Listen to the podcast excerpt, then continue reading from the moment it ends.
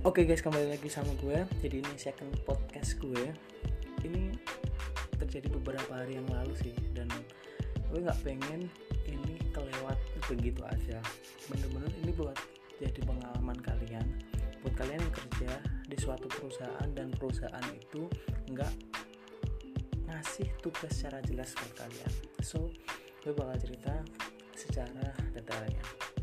Jadi kurang lebih dua bulan lalu gue dapat kerjaan dan sebenarnya gue nggak minta kerjaan itu sih kayak cuma waktu itu kan lagi lebaran dan gue lagi pengen salam-salam gitu sama teman-teman gue yang lama. Dan gue ngabarin ke teman gue yang lama kayak ya udah kayak basa-basi gitu selamat lebaran gue minta maaf ya kalau udah salah. Dan gue nanyain kabarnya dia kayak udah sekitar empat tahun yang lalu dia sempat mampir ke kos gue waktu zaman gue masih kuliah dan dia cerita tentang bisnisnya gue kayak emas dong sama bisnisnya yang udah berkembang. At least ketika dulu waktu SMA gue kenal dia dia masih belum punya store dan dia masih kayak anak yang berandil gitu. Dan dia tiba-tiba udah punya satu store dua store dan tiga store dan gue kaget dong gimana sih dia bisa sampai di posisi saat itu? Dan posisi emang gue lagi nyari kerjaan sih. Tapi nggak yang gue bener-bener butuh kerjaan banget karena emang gue udah ada kerjaan cuma gue kurang cocok dan akhirnya gue lagi sambil cari-cari gitu. Udah gue cerita nih pengalaman gue waktu zaman gue di Starbucks. Gue cerita manajemennya tuh gimana gue sama teman-teman itu kerja gimana dan dia tertarik tuh sama gue. Dan akhirnya dia nawarin eh gimana dong mas? Kalau misalkan mas bantuin saya buat ngolah perusahaan. Gue mikirnya it's a new challenge for me. Jadi kayak bener-bener ini kayaknya bakal jadi pengalaman baru deh. Sekalian gue belajar gimana sih from the little business be a bigger business kayak gitu. Terus akhirnya gue masuk lah di situ. Minggu-minggu pertama gue masih adaptasi sih gue mempelajari apa sih yang di bisnis kayak ini. Oh ya by the way dia bisnisnya clothing ya guys. Jadi dia emang bergerak di bidang clothing kayak lokal brand gitu. Namanya ya gue sensor deh namanya. Kayak gitulah pokoknya nah gue lihat oh ternyata kelihatannya bisnis gede ternyata dia pegawainya nggak begitu banyak. Jadi kayak ada operasional admin shopee desainer produksi sama aku nyebutnya membantu umum aja ya. Soalnya tugasnya banyak banget. Dan gue di situ gue posisinya sebagai HRD is okay lah gue jalan satu minggu gue coba merancang SOP karena mereka belum punya SOP least gue bikin satu SOP di mana SOP itu menjelaskan bahwa tentang pengiriman distribusi barang maupun konten. Itu pengalaman baru banget buat gue gue sampai nge-calling teman-teman psikologi gue buat nge-share materi tentang SOP dan gue bikin SOP itu kayak tadi Senin sampai Rabu itu nanti itu prosesnya berada di kantor di office atau bisa nyebutnya warehouse itu mereka datangin barang ngecek barang pembelian dan mutasi dan barcode dan sebagainya. Terus hari Kamis Jumat Sabtunya baru pengiriman. Terus di minggu kedua ketiga gue udah mulai fokus buat nyari uh, new staff jadi awalnya dia minta part time is okay. Gue minta part uh, gue bikinin part gue cari orang dan dia dia cocok sama satu orang yang bakal dijadiin desainer. Gue mikirnya time tapi tiba-tiba dia minta empat orang dong hire empat orang. Akhirnya awalnya jadi part time dan menurut itu nggak profesional banget yang awalnya nyari part time tapi pada akhirnya dia ngambil new staff. Habis itu ya udah gue bikinin kontrak dan sebagainya. This is the first time in this company that they contract their staff. Awalnya mereka itu nggak pernah kayak kontrak-kontrak kayak gitu. Jadi kayak emang kalau orang datang ya udah dia suruh kerja kayak gue nih dia nggak pernah ada kontrak ketika masuk perusahaan itu. Jalan nih satu bulan gue udah ngasih kayak semacam pelatihan dan sebagainya buat um, staff-staff baru kayak store manager dan sebagainya. Yang di situ gue udah mulai ngerasa kerjaan gue udah lama-lama udah mulai nggak di jalur yang sesuai. Kadang gue ngurusin operasional gue bantu ini itu gue mikirin tentang branding. Kadang dia juga ngajak gue untuk ngurusin bisnisnya yang lain at least coba kalian mikir deh seorang HRD harus mikir sebanyak itu. Kalau misalkan emang dari awal posisi gue adalah penasehat atau wakil atau tangan kanan atau apa is oke okay lah. Itu wajar banget. Tapi kalau posisi HRD kan ya kalian bisa carilah di internet HRD tugasnya apa aja.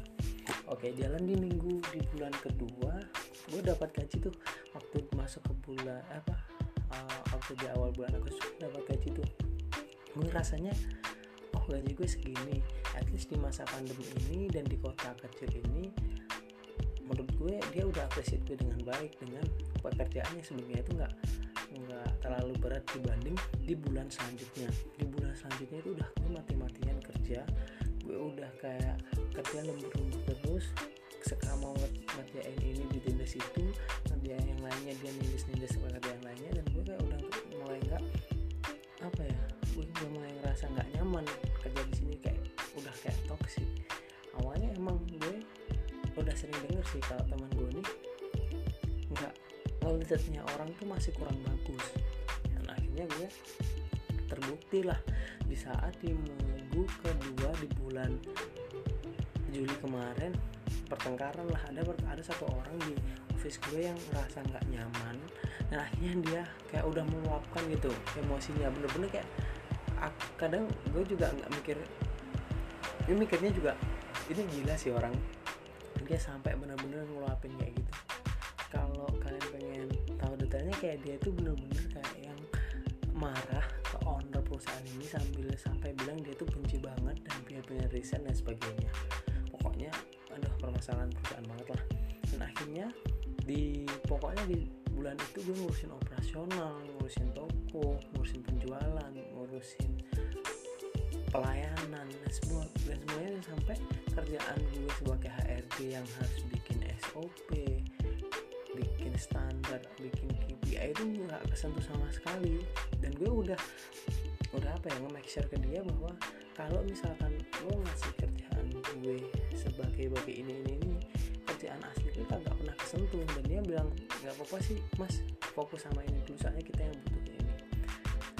Hah, dan pada akhir bulan kemarin ketika gue ngurus gajian dan gue ngurus gajian dong gue ngurus keuangannya dia lah baru dan sebagainya. Anjing emang apa ya sorry emosi makanya bener-bener kerjaan gue tuh banyak banget bulan kemarin. Tapi ketika gue ngurus gajian oh ya gue sampai lupa. Waktu di gajian pertama gue ngisinya di tempat kolom gue kan terus gue suruh ngisi slip gaji ya. Dan slip gaji di tempat gue gue kosongin emang. Dan yang lainnya gue kerjain gitu. Nah di bulan selanjutnya gue mati-matian anjir belain seluruh karyawan biar gajinya naik. Biar mereka itu dapat setimpal apa yang, dengan apa yang mereka perjuangkan.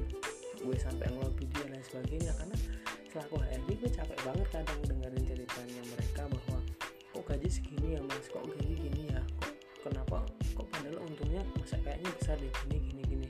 Gue udah jelasin ke mereka baik-baik kalau uang perusahaan tuh biasanya dipakai ini ini ini, dan alhasil ya alhasil mereka dapat kenaikan gaji walaupun cuma sekitar 200 sampai 300an cuma kan perjuangan gue gue rasa itu berhasil lah.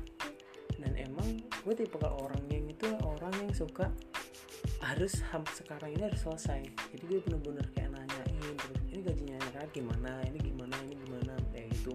Dan mungkin gue ngerasanya dia kayak nggak nyaman gitu aja kok selaku staff juga gue ngatur-ngatur. Gue bukan ber bermaksud ngatur sih sebenarnya. Cuma gue tuh pengennya dia tuh bisa menghargai orang gitu. Dan sampai akhirnya waktu gue tahu gaji gue lebih sedikit dari yang sebelumnya gue marah dong. Gue tanya kok cuma segitu ya? Dan dia bilangnya cuma belajar bersyukur. Dan karena gue belum tahu sistem. Gue mikir dong lah kenapa gue harus tahu sistem tugas gue kan sebagai HRD kenapa gue harus belajar sistem penjualan sistem kasir dan sebagainya? Kan itu nggak make sense gitu loh. Gue gue tuh bukan lo yang harus selaku owner yang harus tahu semuanya. Gue tuh fokus ngulik sumber dayanya lo. Nah akhirnya di hari itu gue kayak bener-bener males banget kerja. Kayak gue udah kayak gue pokoknya mau resign di pokoknya resign. Dan di hari ke besoknya setelah gue kayak gitu gue udah nggak semangat banget dia suruh ngerjain kayak cuma iya doang. Gue kayak inisiatif sih sebenarnya kayak adalah rasa di dalam diri gue yang mikir sebenarnya gue tuh dibutuhin gak sih di perusahaan ini? Kalau kok dia cuma menghargai gue kayak gitu? Untuk bensin aja ya untuk bensin sama makan aja tuh menurut gue kurang. Ya gue tahu misalnya gue harus hemat cuma itu tuh kurang serius kurang. Akhirnya gue tanya beberapa staff lah gimana sih selama ini kerjaan gue? Gimana sih? Ya bukannya gue mau membanggakan diri ya cuma ya teman-teman yang lainnya itu apa ya ngapresiat apa yang udah gue lakuin dan mereka bilang kalau gue emang dibutuhin di sini. Cuma gimana ya gue rasanya hati gue tuh kayak udah sakit banget sama nih orang yang bener-bener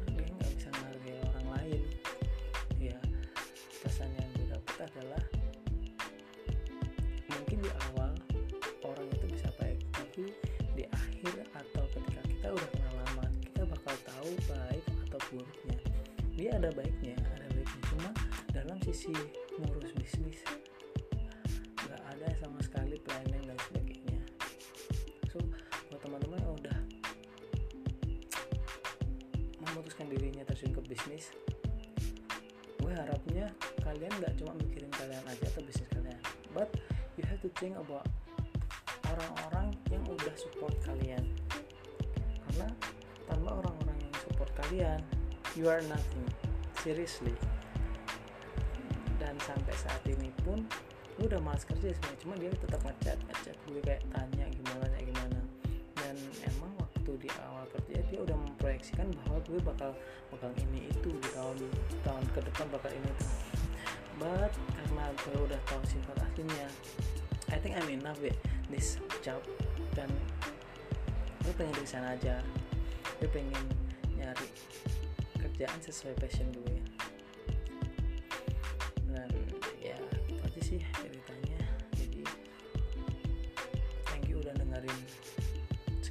12 menit podcast gue yang cuma ngeluh.